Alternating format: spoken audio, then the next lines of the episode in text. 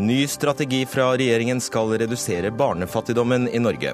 Både blå og røde politikere kalkulerer med barnefattigdom, for ingen av dem vil gjøre det som trengs, hevder forsker.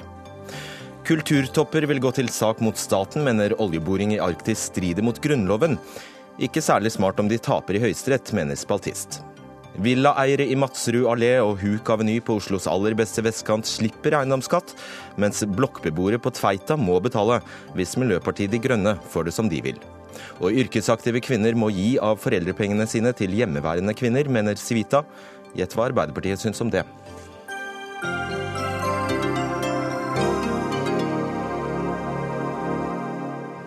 Velkommen til Dagsnytt 18 denne onsdagen. Jeg heter Fredrik Solvang. Og det jeg nå skal si, har programledere i dette studio sagt før meg.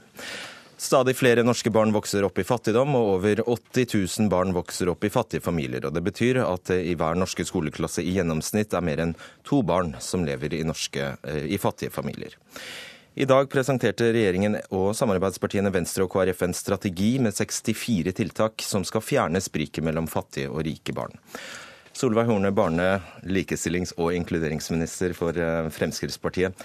Kan du ta oss gjennom disse 64 punktene? Det viktigste er at Nei, tuller. Ja. Dette er for første gang en strategi som handler om barn.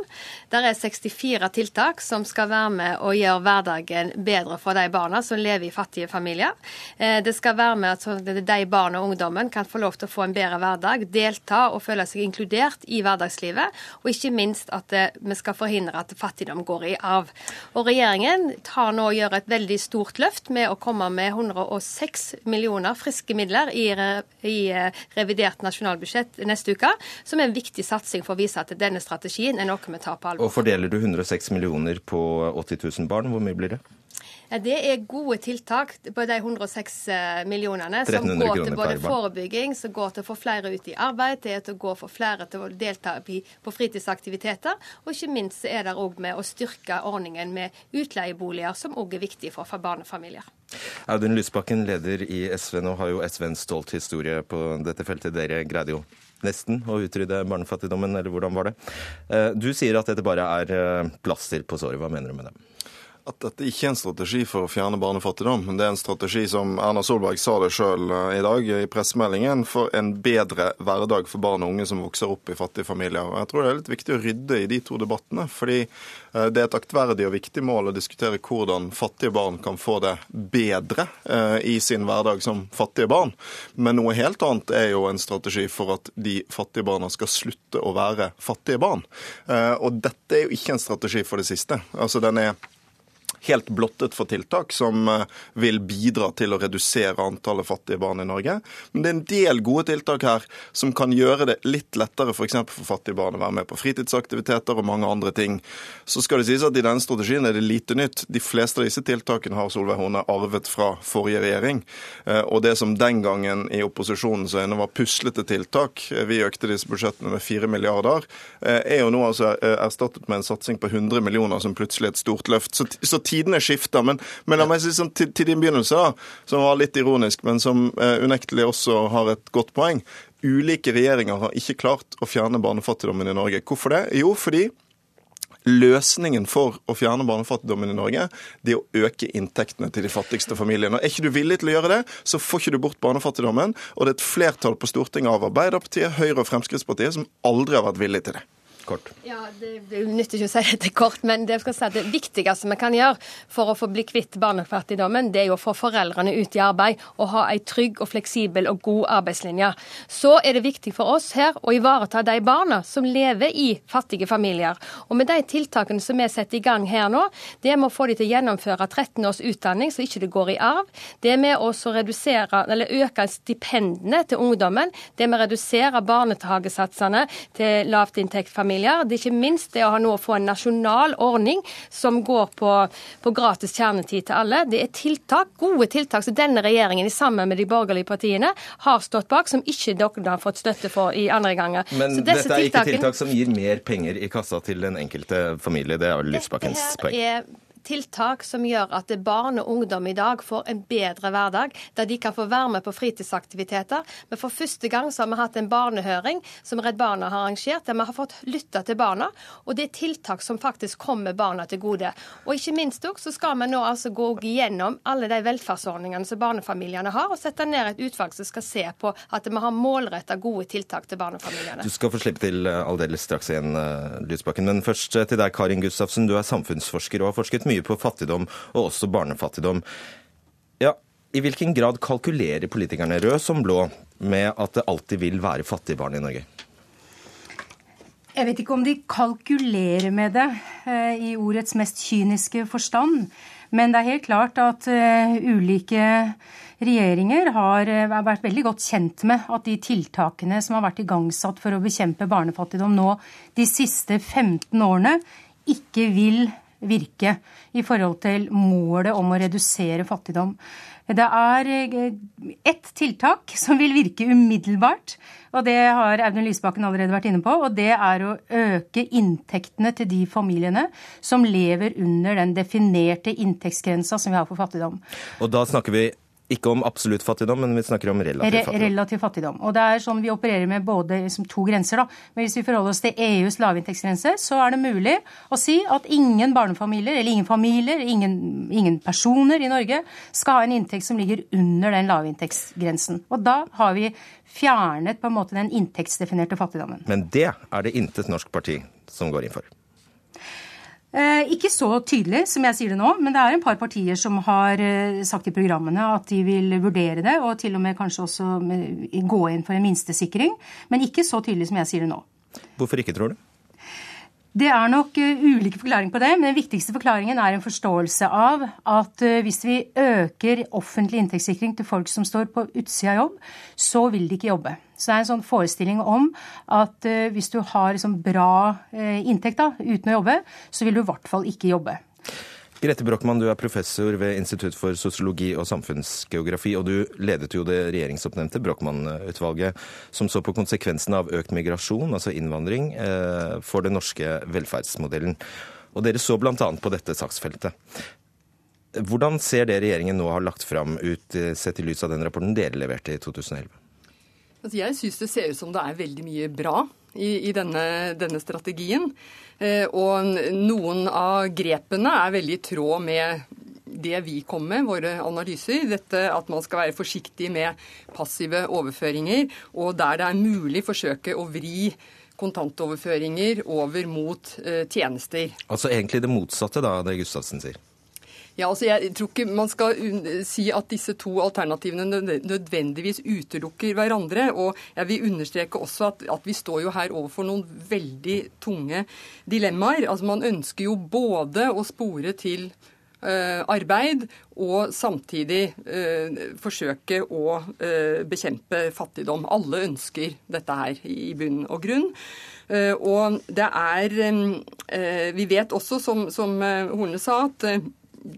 den, den, sikreste måten å få folk ut av fattigdomsfelle på, er å få, altså få barn ut av fattigdomsfelle, er å få foreldrene inn i arbeid. Men jeg må understreke, altså vi leverte vår innstilling i 2011, eh, og eh, vi la jo ikke skjul på at det var en, en vanskelig eh, strategi, som vi også foreslo.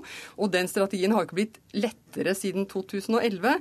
Dels har arbeidsmarkedet blitt mye vanskeligere, faktisk, på få år, og vi går, står overfor en, en Eh, nedgang i, nedgangstider i økonomien, høyst sannsynlig. Og I tillegg så har vi jo fått en, en ytterligere arbeidsinnvandring fra EØS-området. Og der er, har vi nå grupper som konkurrerer om de samme jobbene. Og dette gjør det jo veldig vanskelig på mange måter å følge en sånn strategi. Og bare kort om disse 106 millionene. Hjelper det? Er det nok? Altså det, det, det, har ikke jeg regnet på, men det høres veldig lite ut når man ser på den lange listen med 64 mm. eh, tiltak. Eh, og Det jeg syns er viktig å, å, understreke, og som jeg ikke har hatt eh, anledning til å se nærmere på, det er jo hvordan denne strategien står i forhold til regjeringens øvrige politikk på mm. arbeidsliv og, og velferd. Ja, og du kan si at Det som er jo viktig til at vi snakker om å øke inntektene til familiene, det er jo å få foreldrene ut i arbeid. Og det å ha et fleksibelt arbeidsmarked som sikrer også at arbeidsledigheten er, er lav og høy sysselsetting, og at det skal lønne seg å jobbe. Så Derfor må denne strategien også ses i sammenheng med det øvrige arbeidet som regjeringen ser. Men denne strategien går konkret på, til barna. Det å, å, gjøre hverdagen bedre for de barna som lever i de fattige familiene, og òg hindre at fattigdommen går i arv. For det er det vi ser ofte òg, at barn som lever i fattige familier, òg blir fattige når de blir større. Og Derfor er det viktig å ha fokus på utdanning, slik at de fullfører videregående utdanning. Og En ting som vi er nødt til å ha fokus på her, det er, som jeg også gjentatte, eller den forrige regjeringen fikk kritikk på av Riksrevisjonen, at vi har ikke klart å ha gode målrettede indikatorer ute i kommunene. Kommunene har ikke vært flinke til å se de familiene og de barna som lever i familiene som er fattige. Jeg tror det ville vært et fremskritt om statsråden hadde erkjent tydelig at det som ligger her, er en strategi for å skape en litt bedre hverdag for barn som er fattige. Kanskje bidra til at dagens fattige barn ikke blir morgendagens fattige voksne. Eh, men ikke en strategi for at det skal bli færre fattige barn. Og det, men for å si sånn, En sånn strategi er bra. Eh, det er veldig mye av dette. Eh, jeg har ikke funnet et eneste tiltak her som jeg er uenig i. Eh, og de tingene Solveig Horne nevnte i sted, er jo i stor grad ting som er videreført fra forrige regjering. Veldig glad for at Frp nå snakker om gratis kjernetid i barnehagen, f.eks., som de har vært imot før. Men det vi i tillegg trenger, er jo en strategi for at det skal bli færre fattige barn. Og da trekker jo denne regjeringen sin politikk i motsatt retning. Når man kutter i barnetilleggene i uføretrygden, så blir det flere fattige barn. Hvis du baserer arbeidslivet på midlertidige ansettelser, så blir det vanskeligere for fattige familier å få den tryggheten for framtiden. Sånn at, og, og, og, men, med i timen i dag, for På hver inn- og utpust i dag så har jeg sagt at denne strategien den handler om barna. Den handler om de barna som lever i de fattige familiene, og de tiltakene det går for å hjelpe hverdagen til dem. Ja, men det er ikke en strategi strategi for at det skal bli flere fattige barn. og Det er bare, det, det jeg sier, det er viktig å rydde i det. Og, for å få folk ut i arbeid. Det skal lønne seg i arbeid, og ja. arbeid er nøkkelen til å få foreldrene ut i arbeid. Men denne strategien den handler om tiltak som skal hjelpe mm. de barna, og at barn kan få lov til å få muligheten til å delta i fritidsaktiviteter. Så sier jeg at det er bra, men det vi i tillegg må ha, er en strategi for at det skal bli færre fattige barn. Og da er det en illusjon å tro at alle foreldrene vil komme i arbeid. Og da må vi se hvordan kan vi da mm. sørge for at det blir færre fattige barn her og nå? Ja, Da må vi f.eks. styrke barnetrygden. Vi burde ha en nasjonal minstenorm for sosialhjelp. Det ville hjelpe. Det er det det ikke har vært flertall for på Stortinget, verken i denne perioden eller i den forrige. Okay, Brockmann, eh, det kommer jo altså, altså i denne meldingen fram at uh, halvparten av de fattige barna lever i familier med innvandrerbakgrunn. Og som du nevner, så, så fortsetter innvandringen. Vi får flere asylsøkere, flere nyankomne flyktninger. Vil, ja, ligger det dermed i sakens natur at dette problemet alltid vil bestå? Ja, Om det alltid vil bestå, skal ikke jeg uttale meg om, men at dette kommer til å være et vedvarende problem, er ganske åpenbart. Fordi vi kommer til å ha omfattende eh, fattigdomsinnvandring til Norge også i årene som kommer. Eh, vi får påfyll eh, i de, de laveste eh, sosiale sjiktene hele tiden. Så dette er jo en vedvarende oppgave. Og jeg, tror, altså er, jeg er enig eh, med Lysbakken i at det er en illusjon at man kan få alle disse foreldrene i arbeid. Dels så kan man ikke jobbe, og dels så er det rett og slett ikke etterspørsel etter arbeidskraften deres, av de grunnene jeg eh, kom med i sted. Eh, sånn at det, det, Jeg er enig i at det er en illusjon, men det er også en illusjon å tro at man kan løse fattigdomsproblemene ved å, å jekke opp overføringene. Dette, dette, kommer til å vedvare som, som et problem. Og, og, det er også vridnings, veldig uheldige vridningseffekter for den norske modellen hvis man systematisk skal få alle opp, uh, som, som Gustavsen Gustavsen, Gustavsen, jeg har bare lyst til å ta inn deg. Altså, helt statistisk så er det jo logisk at hvis du jekker opp én eh, gruppe, så vil, vil det alltid finnes noen under. Så du løser jo aldri problemet. De som defineres som inntektsfattige i Norge, er primært folk som lever av offentlige inntektssikringer.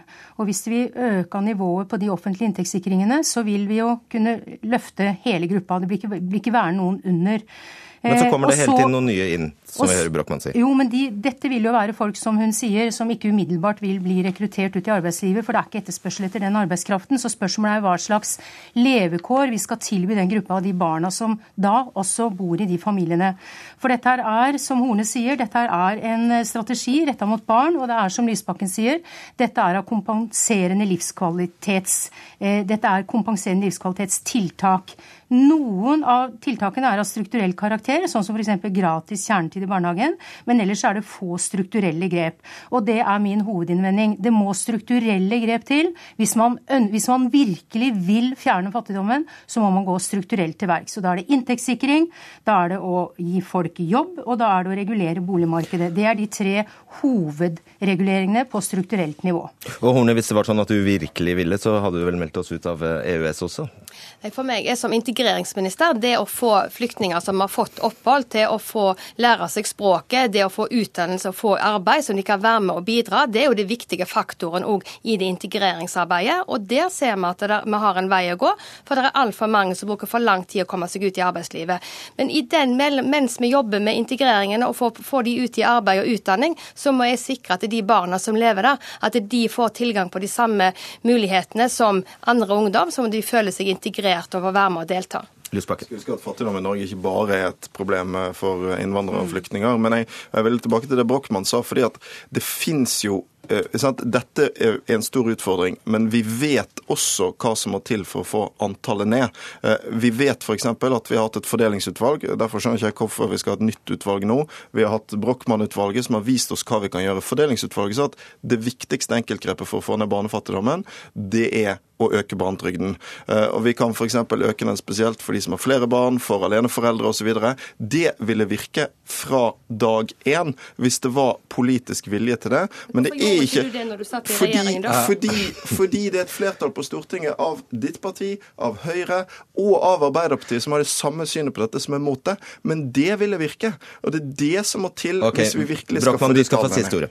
Ja, Det fins jo andre eh, metoder også. og Noe som ikke har vært diskutert noe særlig, det er å la eh, folk som er på velferdsoverføringer, beholde noen av velferdsgodene inn i arbeidslivet. Mm. Det skaper eh, sporer til arbeid, samtidig som man, man, ikke mister den grunnsikringen man har. Det var en ny tanke. Takk skal du ha, Solveig Horne, Audun Lysbakken, Grete Brochmann og Karin Gustavsen.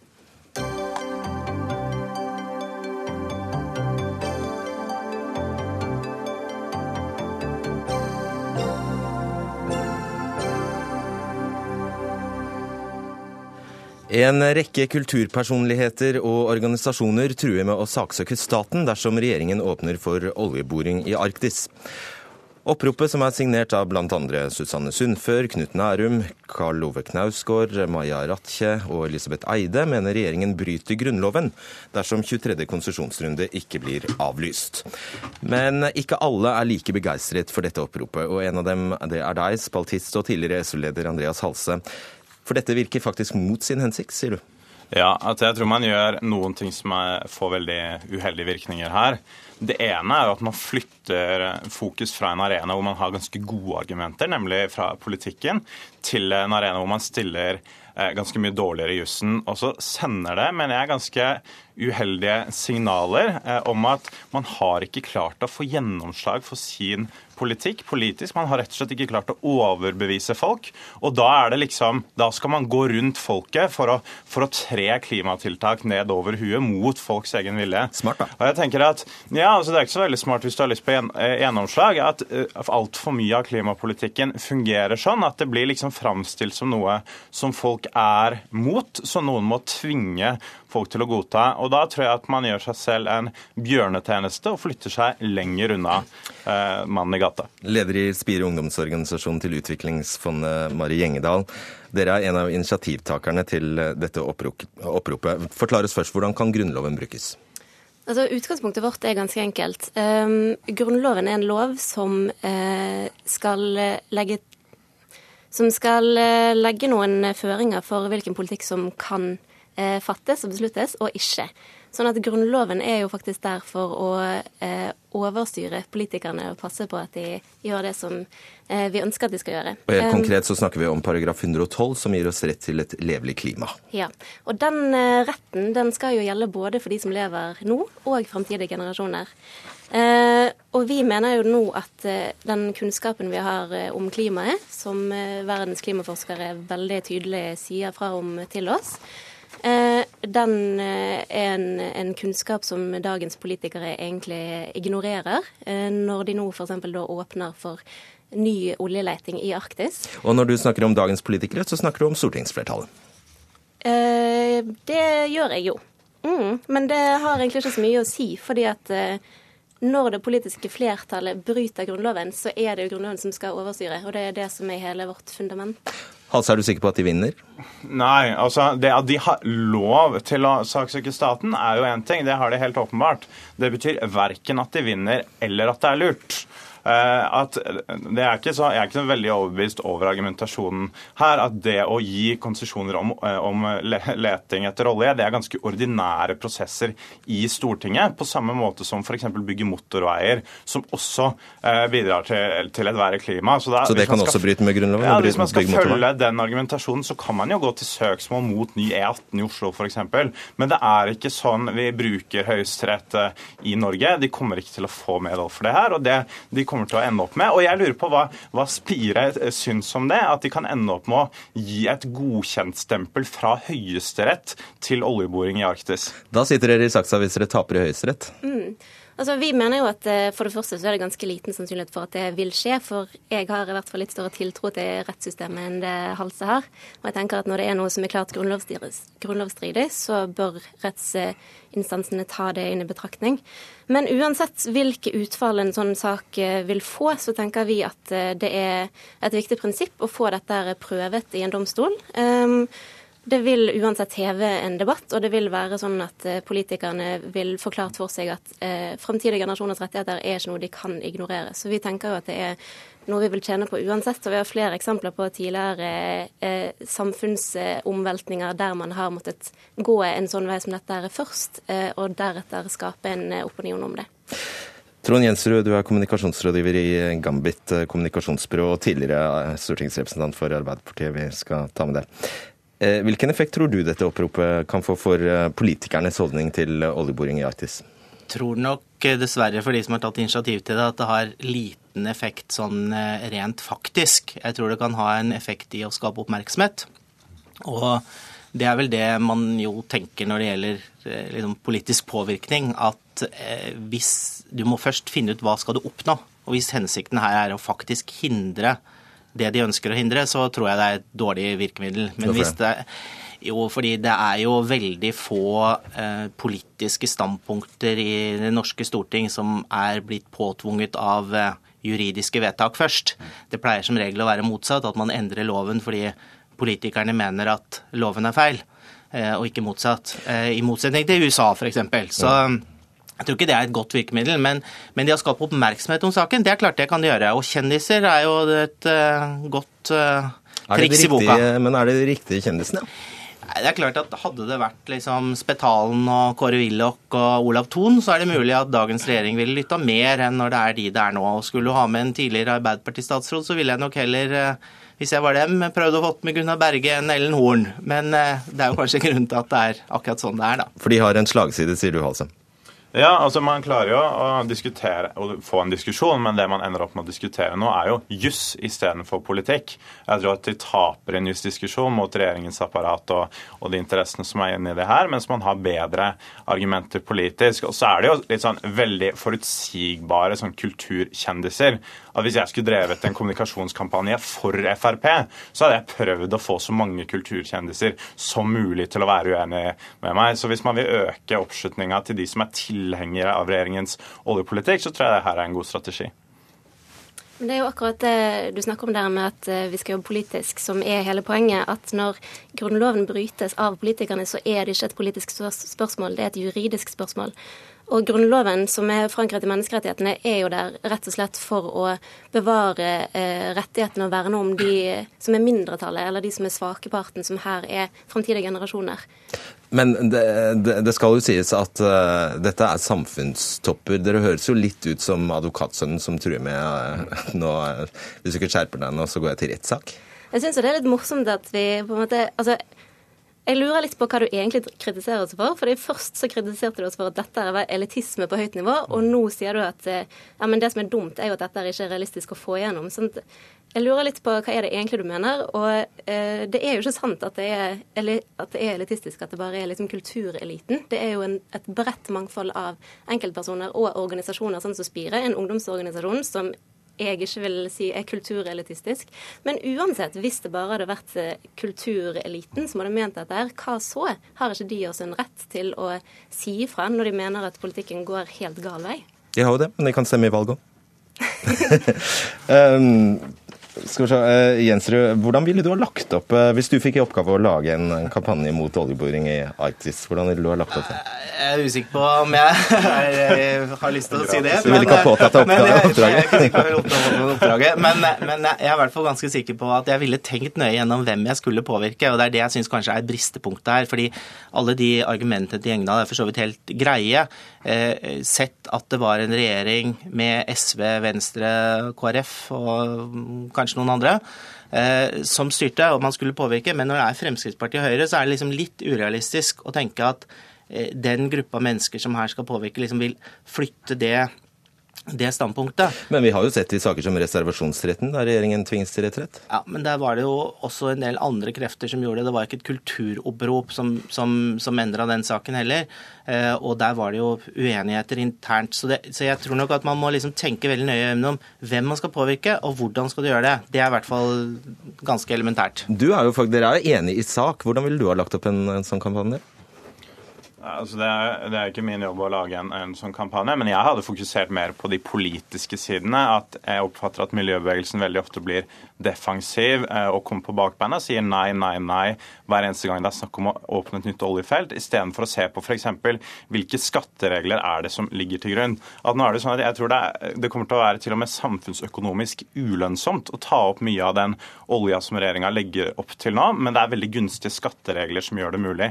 Så når man legger fokus på f.eks. å styre Statoil tydeligere å legge om skattereglene, sånn at vi kan stimulere andre deler av næringslivet, så vil man unngå veldig mange av de utbyggingene som klimabevegelsen er opptatt av. og Det er det til og med mange i næringslivet som vil være enig i. Så da kan man både få flere arbeidsplasser og et bedre klima, og man kan jobbe politisk på en måte som er nedenfra, ikke ovenfra, sånn som jeg oppfatter at den kampanjen Det høres mye lurere ut, eh, gjeng, da. altså, jeg vil først si at Det er jo ikke først og fremst politikerne vi nå prøver å påvirke. Det er jo domstolen som skal bestemme. Og selv om Stortinget og politikerne har mye de skulle ha sagt, så må også de rette seg etter de vedtakene som gjøres der. Så Det er derfor vi har valgt denne strategien. Men når det er sagt, så jobber jo, altså Mesteparten av den virksomheten vi gjør, er jo politisk arbeid. Vi jobber hver eneste dag med å vise fram de alternativene vi har. Vi gjør akkurat det som Halse peker på, eh, kommer med konstruktive løsninger. Men nå har vi også et eh, bredt virkemiddelapparat, og vi har en grunnlov som burde slå inn, men som ikke gjør det, og som ikke har blitt testet før. og Da tenker vi, da har vi en plikt for å utforske de mulighetene og se hva det også kan gi. Og en sak eh, som skal gå helt til Høyesterett, tar lang tid, så det kan hende det tar en stund før vi møtes i dette studioet igjen. Kanskje grunnlovene endrer i mellomtida? Kanskje. Takk skal dere ha, Andreas Halse, Mari Engdahl og Trond Jensrud.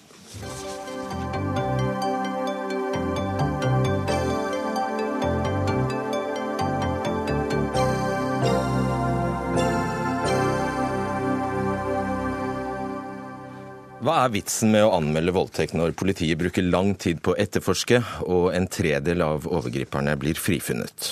I Aftenpostens serie om voldtekter har flere ofre reist dette spørsmålet.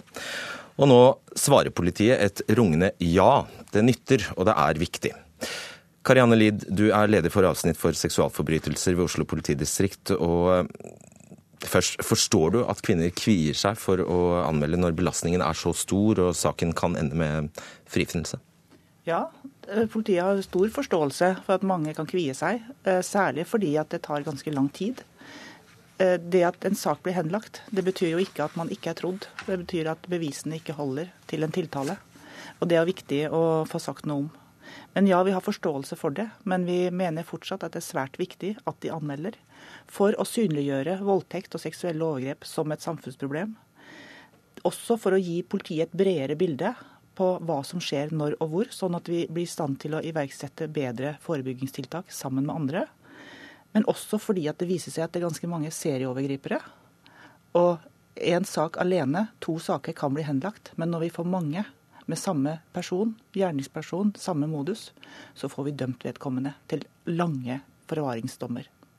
Og så sier du at etterforskningen tar for lang tid. Hvorfor gjør den det? Det er mange årsaker til at etterforskningen tar tid. Vi har de siste årene eh, utvikla metodene i etterforskning Det er alltid lyd- og bildeopptak når det gjelder avhør av de involverte. Disse skal skrives ut i etterkant. Vi avhører vitner, vi sikrer teledata. Vi har store mengder med digitale beslag. Vi tapper telefoner på leit etter videoer, lydfiler, bilder som kan belyse saken. Og alt dette tar tid å gå igjennom. Så samhandler vi med mange andre aktører. Med kriminalteknikere som skal undersøke eh, biologisk materiale og oversende det til Folkehelseinstituttet. Undersøke klær. Alt dette tar tid. Kvalitet tar tid. Og så har vi dessverre også selvfølgelig, det kan vi ikke legge skjul på, store utfordringer når det gjelder kapasitet, når det gjelder volumet av saker. Penger. Ja, penger er én ting, men også det å få ansatt til kvalifiserte etterforskere eh, fort nok eh, er også en stor utfordring. Lise Arntzen, du er sosionom i Dixie, som er en organisasjon som uh, jobber for voldtektsutsatte og deres pårørende. Um, hva syns du om at kvinner ikke anmelder? Altså, eh, Vi på Dixie støtter de som er utsatt, uansett om de velger å anmelde eller ikke. Um, og det gjelder både kvinner og menn. Uh, de kan komme til oss uh, og snakke om de spørsmålene og utfordringene de har. og så tenker jo vi det at det er viktig også, sånn som Karianne sier, å, å anmelde voldtekt. Fordi at det vi ser Eh, at mange sier eh, etter å ha anmeldt, er at det har vært godt for dem å fått sagt ifra. Og fått si det at det, det som skjedde med meg, det var faktisk ikke greit. Mm. Du hospiterer nå i Oslo politidistrikt. Eh, mm. Hvordan blir voldtektsofre ivaretatt i den tiden etterforskningen pågår? Nå har jeg akkurat begynt da, eh, og skal være der eh, en god stund til. Og jeg må jo først si at jeg er veldig glad for at jeg får lov til å være der. Eh, fordi at jeg tror vi kan lære mye, og så kanskje vi kan bidra med noe hos dere også.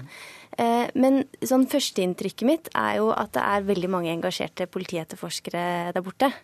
Og nå er dette i Oslo, så jeg kan ikke snakke for hele landet. Men hadde jeg blitt utsatt for en voldtekt, så hadde jeg anmeldt her i Oslo. Mm. Er det godt nok? Det er som Karianne sier, at uh, de skulle gjerne hatt noen flere ressurser. Um, det ser jeg jo når jeg er der også, at, uh, at, dette med lang saksbehandlingstid er vanskelig. Og for de utsatte som vi snakker med, så sier jo de at nettopp den perioden uh, hvor politiet etterforsker, hvor man ikke helt vet hva som skjer, så trenger de noen å snakke med ved siden av. Og det er jo der vi kommer inn, f.eks. Hva, hva snakker vi om? Hva er tid i denne sammenhengen? Hva er snittiden? I Oslo så har vi et måltall på 200 dager på saksbehandlingstid på voldtekter. Men det er, 200 dager er da for de sakene som blir oppklart. Eh, det er slik at eh, disse måltallene i politiet de måler da på oppklarte saker. Eh, men når vi vet da at 75-80% av alle seksualforbrytelser og voldtekter ender, blir henlagt, så er de måltallene ganske dårlige til å vise hva vi faktisk bruker tid på. Eh, fordi at veldig mange av de henlagte sakene ligger det uker og måneder med massiv etterforskning bak. Mm. Det blir ikke målt. Og så har vi også en massiv økning når det gjelder overgrep mot barn. Det etterforskes også hos oss. De sakene må gå først. Det kan være barn som eh, kan være utsatt for pågående overgrep. Og da blir de prioritert foran voldtekt mot voksne. Så alt haster. Vi må prioritere. Det er en daglig eh, kamp eh, om ressursene. Eh, men vi får ikke gjort alt på en gang. Samme spørsmål til dere begge. Hva kan gjøres for å sørge for at kvinner anmelder? Eller menn og kvinner, skal jeg si. Mm. Ja, Fra politiets side så tror jeg at det vi, kan, eh, det vi kan vise at vi tar sakene på alvor. At vi, selv om saken blir henlagt, gjør en skikkelig jobb. Vi etterforsker sakene fullt ut. Det er ikke alltid da det kan bli ende med tiltale, men kvaliteten på det som er gjort, er god. Det tror jeg er veldig viktig. Mm. Altså, Vi som samfunn må jo signalisere at vi tar voldtekt på alvor. Eh, vi må ha en debatt som er nyansert. Vi må kunne si at systemet har feil eh, og mangler, men at det er ting som fungerer også. Eh, og så syns jeg det er viktig at vi har et hjelpeapparat som også faktisk fungerer, og det varierer forskjellige steder i landet. Så der har vi stort forbedringspotensial. Og det er, da det, viktig, det er da det er viktig å få fortalt at uh, dette ender faktisk med dom i en god del tilfeller. Ja, og det er også viktig å få korrigert det bildet som er kommet uh, nå i forhold til denne 1 av 100 eh, greia som har versert. Det er helt feil, det er ganske spekulativt. Det er faktisk 20 av 100 som ender med dom.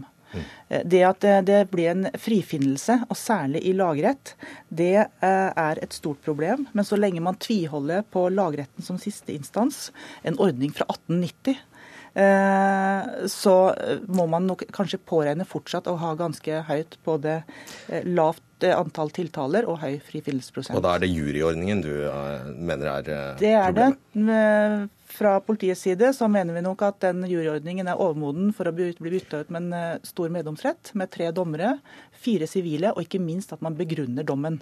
For hva er det som da skjer i en eh, jury? Altså kravet altså, Vi har et år på fire år, eh, altså vi har et krav på fire år som minstestraff for eh, sovevoldtekt. Og en jury, hvordan vil en jury typisk forholde seg til det?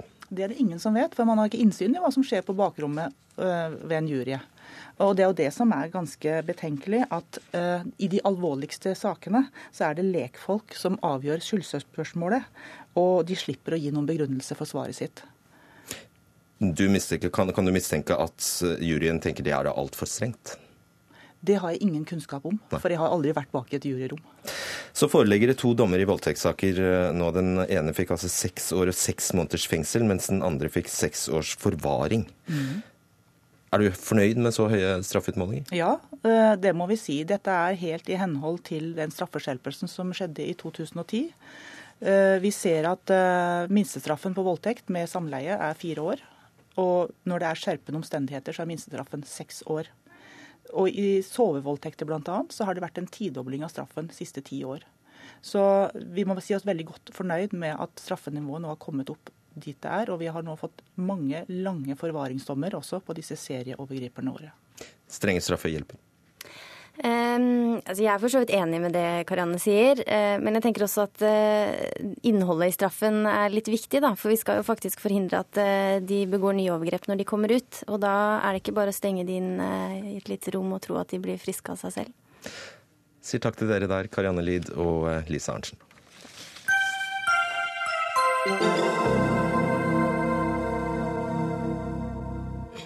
Eiendomsskatt kan igjen bli en realitet i Oslo etter høstens valg. Også dersom Miljøpartiet De Grønne får innpass i maktens sirkler på rådhuset. Men med De Grønnes versjon av eiendomsskatt kan flere boligeiere i fasjonable strøk pusse lettet ut. Dersom de bor i et verneverdig hus, er de nemlig fritatt for eiendomsskatt med De Grønne. Og dette må du eh, nesten først forklare oss, Lan Marie Berg. Du er førstekandidat for De Grønne i, eh, i Oslo kommende høst. Hva er logikken i dette? Jo, Dette her handler om to forskjellige ting. Det handler om for det første at vi ønsker eiendomsskatt. Ikke fordi vi liker skatt, men fordi vi ønsker penger. Vi ser at vi trenger penger til å gjennomføre det grønne skiftet i Oslo. Og det er viktig for oss. Og da, det, da handler det om å skape gode kollektive verdier som ren luft, gode sykkelveier og godt, et godt kollektivtilbud. Og I tillegg så vil vi også øke bydelens, eh, bydelens handlingsrom, og vi vil ikke finansiere Oslos befolkningsvekst ved lån. Ja, men Det er greit. Eh, men hvorfor skal de rikeste av de rike som bor i verneverdige hus, slippe eiendomsskatt? Ja, og Det er jo det andre, og det er en annen ting vi er opptatt av, og det er kulturminnevern. Og Her er vi opptatt av å bevare Oslos egenart, Oslos historie og Oslos gamle bygninger. Og Da syns vi at eh, de som tar vare på disse bygningene og bor i de, de skal ikke straffes med en eiendomsskatt i tillegg. Men det skal du hvis du, det skal du, hvis du bor i blokk på Tveita? Dette her er jo ikke bare noe som handler om øst og vest. Du har verneverdige bygninger. Men det er faktisk resultatet av forslaget? Nei, det er ikke sånn uh, nødvendigvis. Riks- eller Byantikvaren sa også i Klassekampen i dag at det finnes verneverdige bygninger på begge sider av elva. Ok, da. Sunniva Holmås Eidsvoll, du er tredjekandidat til bystyret i, eh, bystyret i Oslo for SV. Og dere kaller altså dette en gavepakke til rikingene? Det gjør vi. Først vil jeg bare si at eh, det er veldig bra at Miljøpartiet De Grønne er for eiendomsskatt. Der står vi side om side, eh, og det er veldig flott. Men for SV så er det to ting som er viktig med eiendomsskatten. For det første så er den nødt til å slå sosialt rettferdig ut, og det gjør den ikke med Miljøpartiet De Grønne sitt forslag. For, Et eksempel er at Frogner, hele området der, i hvert fall store deler av det, et av de områdene i byen med de dyreste boligene, vil være fritatt. Um, ja, fordi det fungerer slik at uh, faktisk hele områder kan vernes. Ja. ja. Uh, I tillegg så er det viktig for SV å si at uh, i likhet med Miljøpartiet De Grønne, hva vi ønsker å bruke eiendomsskatten til. Og I Oslo så er det enorme sosiale skiller. Mange barn de vokser opp i fattigdom. Eh, og vi har et enormt problem med luftforurensning. Og da, da er det viktig å styrke barnevernet, bedre kvalitet i barnehagene. Vi må ha flere lærere, gratis halvdagsplass i aktivitetsskolen. Så må vi ha et løft for kollektivtrafikken. Så det er viktig med to ting. Det ene er at skatten må være sosialt omfordelende. Det er det SV sørger for med vårt forslag. Vi vil ha et bunnfradrag på tre millioner kroner. Eh, og så skal, skal, vil vi at det skal gjelde for alle boliger i hele byen. Men det er også viktig hva vi skal bruke den på, selvfølgelig. Får dere inn mer penger? Eh, det er litt vanskelig å vite, men eh, ettersom med Miljøpartiet De Grønne sitt forslag, da, så vil f.eks. hele Frogner slippe eiendomsskatt.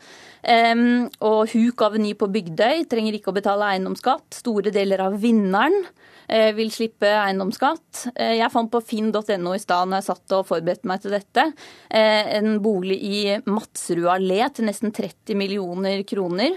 I Madsrud allé så er det noen av de aller rikeste i Oslo som bor. Så det er tydelig at det her vil slå ut på totalen. Men den nøyaktige summen, den kan jeg ikke gi deg. Har dere tenkt gjennom dette? Jo, dette her har vi faktisk regnet på, og det er ikke sånn at dette her har, handler om så mye penger som SV, SV prøver å, å, å, få det til å framstå som her. Og jeg er veldig glad for at også SV eh, ser at vi trenger eiendomsskatt, og vi vil jo som sagt eh, bruke dette her til å, å finansiere det grønne skiftet. Men når det kommer til når det kommer til at det er så mange som dere hevder at, eh, at, eh, at slipper unna, så er dette her, dette her handler ikke for oss om at vi skal la folk rike slippe skatt. Dette handler om at vi vil bevare Oslos kulturminnevern. Og så og da må jeg bare spørre deg, ja, da, da, da, Berg, da må jeg bare spørre deg, Hvordan kan du vite at eierne av disse verneverdige husene bruker pengene på å vedlikeholde huset sitt? Det er veldig mange som er veldig opptatt av å vedlikeholde husene sine, ellers så vil de også synke i verdi. Du vet det ikke. Du kan ikke vite det. Ja, nei, men, det kan men, du ikke men vite. så er det jo sånn, dere er også opptatt av kulturminnevern, og hvordan absolutt. dere trengte, tenkt til å sikre det? Ja, altså Kulturminnevern det er veldig viktig. Der deler jeg absolutt eh, engasjementet og, og prioriteringen til Miljøpartiet De Grønne. Men å sikre det gjennom en eiendomsskatt, det er en veldig lite treffsikker metode. Men, Men du, vil jo bare ta, uh, Eidsvoll, du vil jo bare ta inn masse penger og så dele litt ut igjen? Det er den omfordelende eiendomsskatten. Men når det gjelder kulturminnevern, så må du ha mye mer treffsikre ordninger for det. Uh, og da vil jeg ha ordninger som faktisk gjelder for hele landet, og ikke bare Oslo. Jeg syns det er litt rart at kulturminner i Oslo skal få mye mer støtte enn kulturminner i andre deler av landet. Et eksempel, da. Jeg kom fra Hedmarkene, hvor jeg vokste opp da jeg var yngre. Der er det veldig mange flotte gårdsbygninger, f.eks. De ble bygd i en tid der storbøndene hadde en annen økonomi enn i dag. Og det er mange gode eksempler på kulturminner rundt omkring i hele landet. Derfor er det viktig å sikre gode støtteordninger for, som tar vare på kulturminnene, og som sikrer at de går til det. Noe med å gi skattelette til de med de rikeste boligene ikke gjør. Det er heller ikke gitt at en som bor i en gammel verneverdig bygning har masse penger, vel? Eh, det kommer an på hvordan du ser på det. Altså Selvfølgelig er det ikke gitt, men hvis du bor i en bolig som har en veldig høy verdi, eh, så er det god mulighet for at den har steget i verdi de siste årene. Når boligen stiger i verdi, så er det netto gevinst. Eh, ja, nei, du må ikke selge den for å realisere det. Det å bo i en bolig som har en høy verdi, det eh, gir deg veldig stor økonomisk frihet eh, i seg selv. Man kan ta opp lån. De som har dyre boliger, de har gode muligheter til å hjelpe barna sine inn på eiendomsmarkedet Og så videre, og så videre. Det er veldig mange fordeler økonomisk ved å bo i en bolig som har høy verdi. Det er viktig å få frem. Berg, hvor stor begeistring tror du du får fra en som bor i blokk, tar T-banen til, eh, til, jobb og ikke eier bil, på at han eller hun skal da skatte på boligen sin for å få bedre luft? Jeg tror at det er veldig mange som vil synes at dette er et godt tiltak, for dette handler jo om gode kollektive goder som vil eh, komme alle til gode. Altså hvis, man får, hvis man ikke har ren luft, så sender man selv om man bor i blokk og sender barnet sitt i barnehage, eh, så sender man barnet sitt i barnehage, og barnet kommer til å være i en barnehage der hvor det er dårlig luft. Og det tror jeg veldig mange ikke vil. Og så vil man også få trygge sykkelveier, sånn som vi ikke har i Oslo i dag. Vi trenger å få et skikkelig sykkelløft, sånn at det blir trygt å sykle. Det er ikke rart at vi ikke får opp sykkelandelen i Oslo. Men du burde jo heller skattlegge forurensning? Ja, men det vil vi jo også. Det men dette handler jo om dette, om, dette er et veldig ukontroversielt tiltak for å kunne få inn mer penger til, eh, til Oslo. Og det har man innført i mange andre byer, også Bergen og Trondheim. Og så vet vi jo at det er slik at uh, fremdeles er et uh, flertall mot den skatten dere nå sitter og diskuterer i, uh, i, Oslo, i hvert fall. Ja, Vi får se da etter valget. Det er gode muligheter nå når Miljøpartiet De Grønne vil ha eiendomsskatt, SV vil ha det, Arbeiderpartiet vil ha det. Her har vi fagbevegelsen på vår side. Jeg har kjempetro på at vi kan få et sosialt løft for byen vår, men da må Miljøpartiet De Grønne slutte å ville gi skattelette til de med de dyreste boligene, og heller være med på et felles løft for hele byen. Jeg syns jo dette her er litt sånn flisespikkeri på en veldig god sak som vi er enige om, så jeg blir jo litt overrasket over at SV er så irriterte på oss for denne lille delen som vi ønsker, at vi ønsker å verne om kulturminnene i Oslo. Det er veldig bra at Miljøpartiet De Grønne vil ha eiendomsskatt. Takk skal dere ha, Lan Marie Berg og Sunniva Eidsvoll.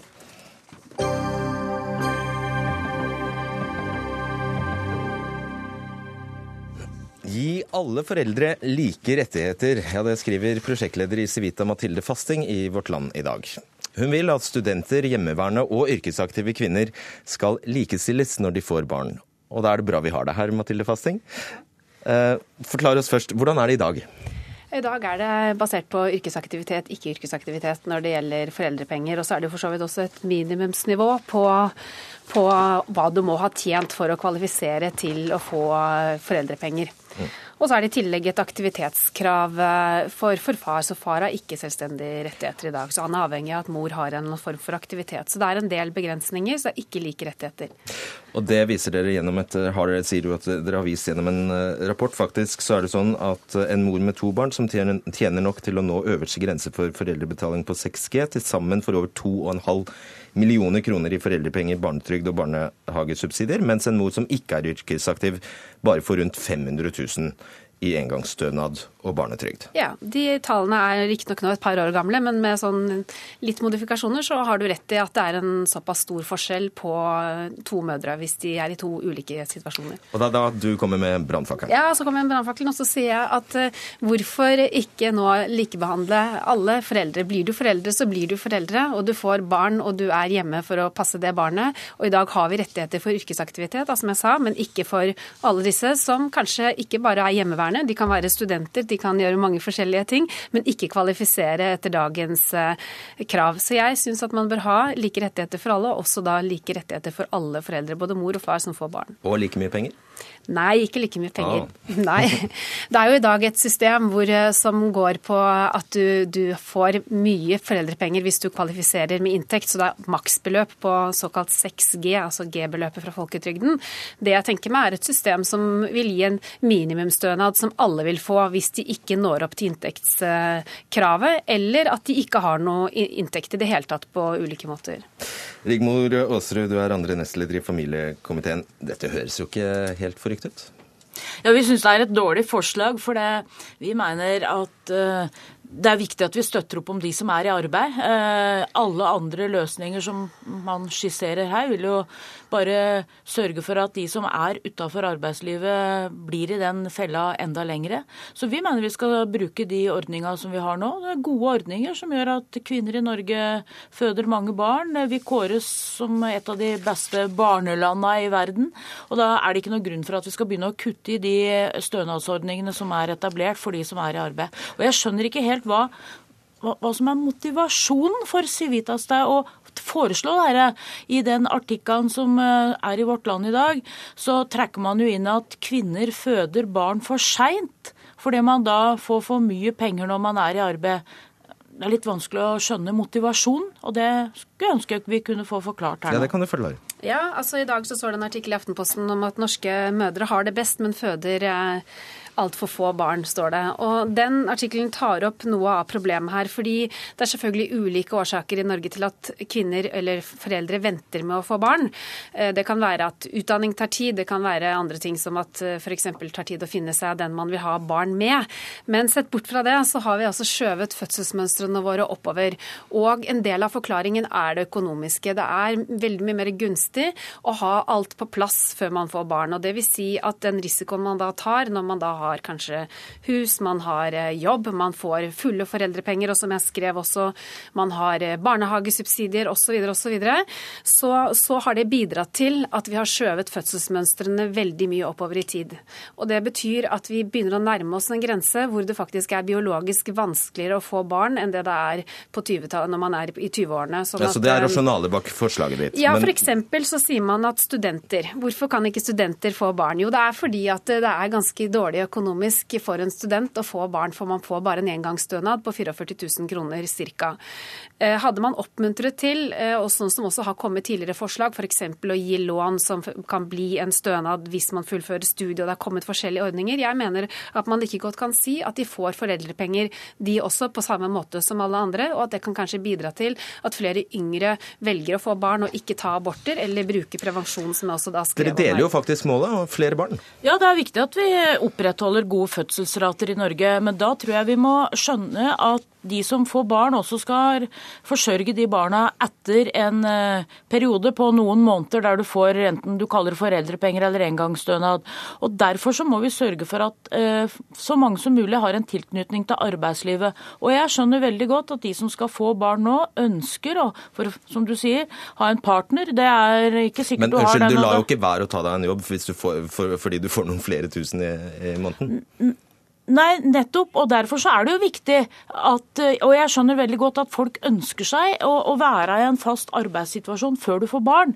For du skal ha, betale den eh, det... Men ta den studenten, da, f.eks. Altså, ja. det, det, finnes sikkert mange studenter som utsetter det å få barn fordi det er så, fordi det er så vanskelig økonomisk. Ja, og det, det er etablert gode løsninger også for studenter.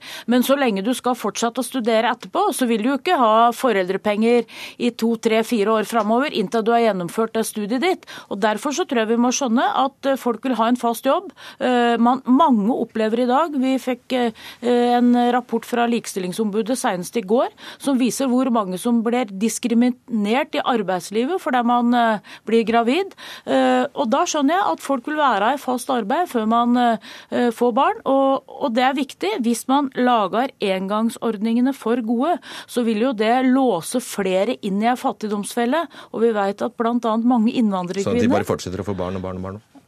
Ja, de er i hvert fall vanskeligere å komme seg okay. ut igjen i jobb hvis du ikke har hatt utdanning, hvis du ikke har hatt muligheten til å ta deg den utdanninga. Og vi vet at i dag så er det veldig mange innvandrerkvinner som får engangsstønad. Det er jo med på å låse dem inne i en fattigdomsfelle som vi mener vi ikke skal uh, legge til rette enda mer for. Det er vel faktisk et poeng. Ja, det motargumentet har jeg hørt. Men likevel så mener jeg at vi i dag diskriminerer uh, mødre som da er i en eller annen situasjon som ikke innebærer yrkesaktivitet, og det mener man ikke bør gjøre. Og jeg ser også at det nå har kommet en, et skriv fra, barne og, eller fra departementet i dag, og det, der står det at de skal gå gjennom en del av familieordningen, bl.a. noe som jeg da skrev om for et par år siden, å se på barnetrygd f.eks., som jeg er helt enig i at det bør være økonomisk mulig å kunne forsørge det barnet også videre, ikke bare akkurat de første månedene som, som, eh, som vi snakker om akkurat her. Men, men, da må jo barnetrygden opp på et helt annet nivå, og vi vil fjerne folk fra yrkesaktivitet. Og det er viktig at vi sørger for at både kvinner og menn kan være yrkesaktive i Norge. Det er den kanskje viktigste likestillingspolitiske saken. Det at kvinner har egen inntekt. Det gjør at du er selvstendig, du kan leve av egne liv. Og da må vi ikke legge opp til et system der folk skal gå lenge utafor arbeidslivet. Det vil ikke være bra for likestillingen, og det vil ikke være bra for unga. For de vil eh, da måtte leve i familier som har svært lav inntekt. Spørsmål kort til dere begge to, eller som fordrer et kort svar til begge to. Samme spørsmål. Hvorfor skal man få lønn for å få barn? Det er et arbeid å få barn. Ja, Vi har ordninger som gjør at uh, alle får noe, uh, men de som er i arbeid får mer, og det mener vi er riktig. Da sier jeg tusen takk til dere, Rigmor Aasrud og Mathilde Fasting.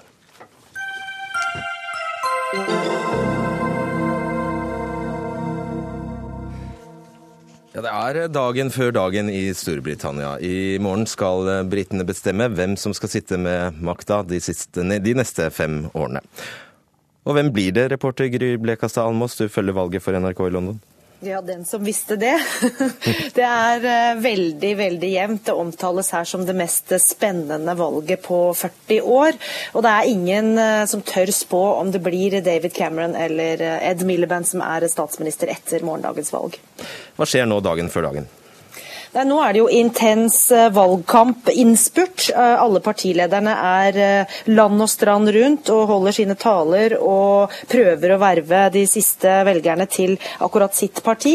Og mer på grasrotplan så, så er det å banke på dører og snakke med folk og prøve å overtale dem til å stemme sånn som hver enkelt av dem ønsker. Det er jo et ganske uoversiktlig politisk bilde i et system som er vant til å ha to store partier partier. Eh, I år er det sju partier som alle kan komme til å spille en rolle. Det er undersøkelser nå som viser at eh, så mange som 20% av befolkningen vurderer å stemme taktisk, eh, og kanskje da heller stemme på hvem de ikke vil ha i regjeringslokalene, enn hvem de faktisk vil ha i regjeringslokalene. Og det er også sånn at hver sjette velger ennå ikke har bestemt seg. Og det er i morgen det er valg, altså. Hva sier da meningsmålingen om hvem som er minst populære? Nei, Det er jo uh, så jevnt mellom de to statsministerkandidatene at det er ingen som våger å si uh, hvem av dem det blir. Det uh, kan se ut til at det konservative partiet har noen flere plasser i parlamentet ut ifra målingene nå, enn det Labour har. Men det betyr behøver ikke å bety at det er de som danner regjering, eh, fordi det er ingen som ligger an til å få rent flertall. og Da er man avhengig av å få på beina en eller annen form for, eh, for samarbeid med noen av de andre partiene som kan fungere. Og Hvis de ikke får til det, så uh, i verste fall så blir det nytt valg i løpet av høsten. Mm. Kan du da minne oss om hvilke partier det er vi snakker om som da kan forkludre dette bildet med to dominerende store partier, de konservative og Labour? Ja, altså eh, Liberaldemokratene som sitter i koalisjonsregjering med det konservative partiet i dag, er jo også denne gang en viktig spiller. De har sagt at eh, de eh, snakker først med det partiet eh, som får flest stemmer. Eh, og det kan jo komme til å bety det konservative partiet, men om de tør å danne en ny koalisjonsregjering er eh, høyst uklart. For det, den regjeringen som har vært nå, ikke vært spesielt populær. Heller ikke i det konservative partiet, der det er stor murring til en eventuell ny koalisjonsregjering. Eh, og De kan også komme til å gå til Labour hvis det er de som får eh, flest plasser i parlamentet. Eller så er det jo de skotske nasjonalistene som på en måte har vært denne valgkampens store, store overraskelse. For de ligger an til å ta de aller, aller fleste eh, parlamentssetene fra Skottland. Og Det betyr at de nærmest utraderer Labour-partiet i Skottland.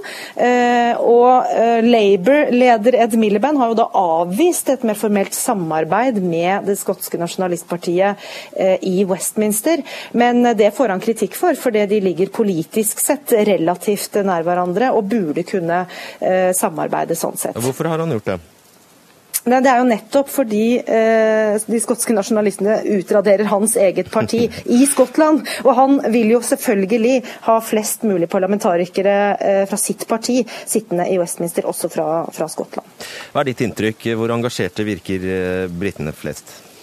Nei, altså Det er jo alltid farlig å si hva folk flest mener, fordi det er veldig mange forskjellige meninger. Men det er jo ikke det samme engasjementet som man skulle få inntrykk av av å lese avisene her, som er fulle selvfølgelig av valgstoff uh, i dag, og har vært det over lang tid. Folk uh, lever sine vanlige liv. Mange gleder seg nå mest til det er over, og håper at det blir såpass avklart etter valget i morgen at de slipper en ny runde, og at de kan uh, gå videre.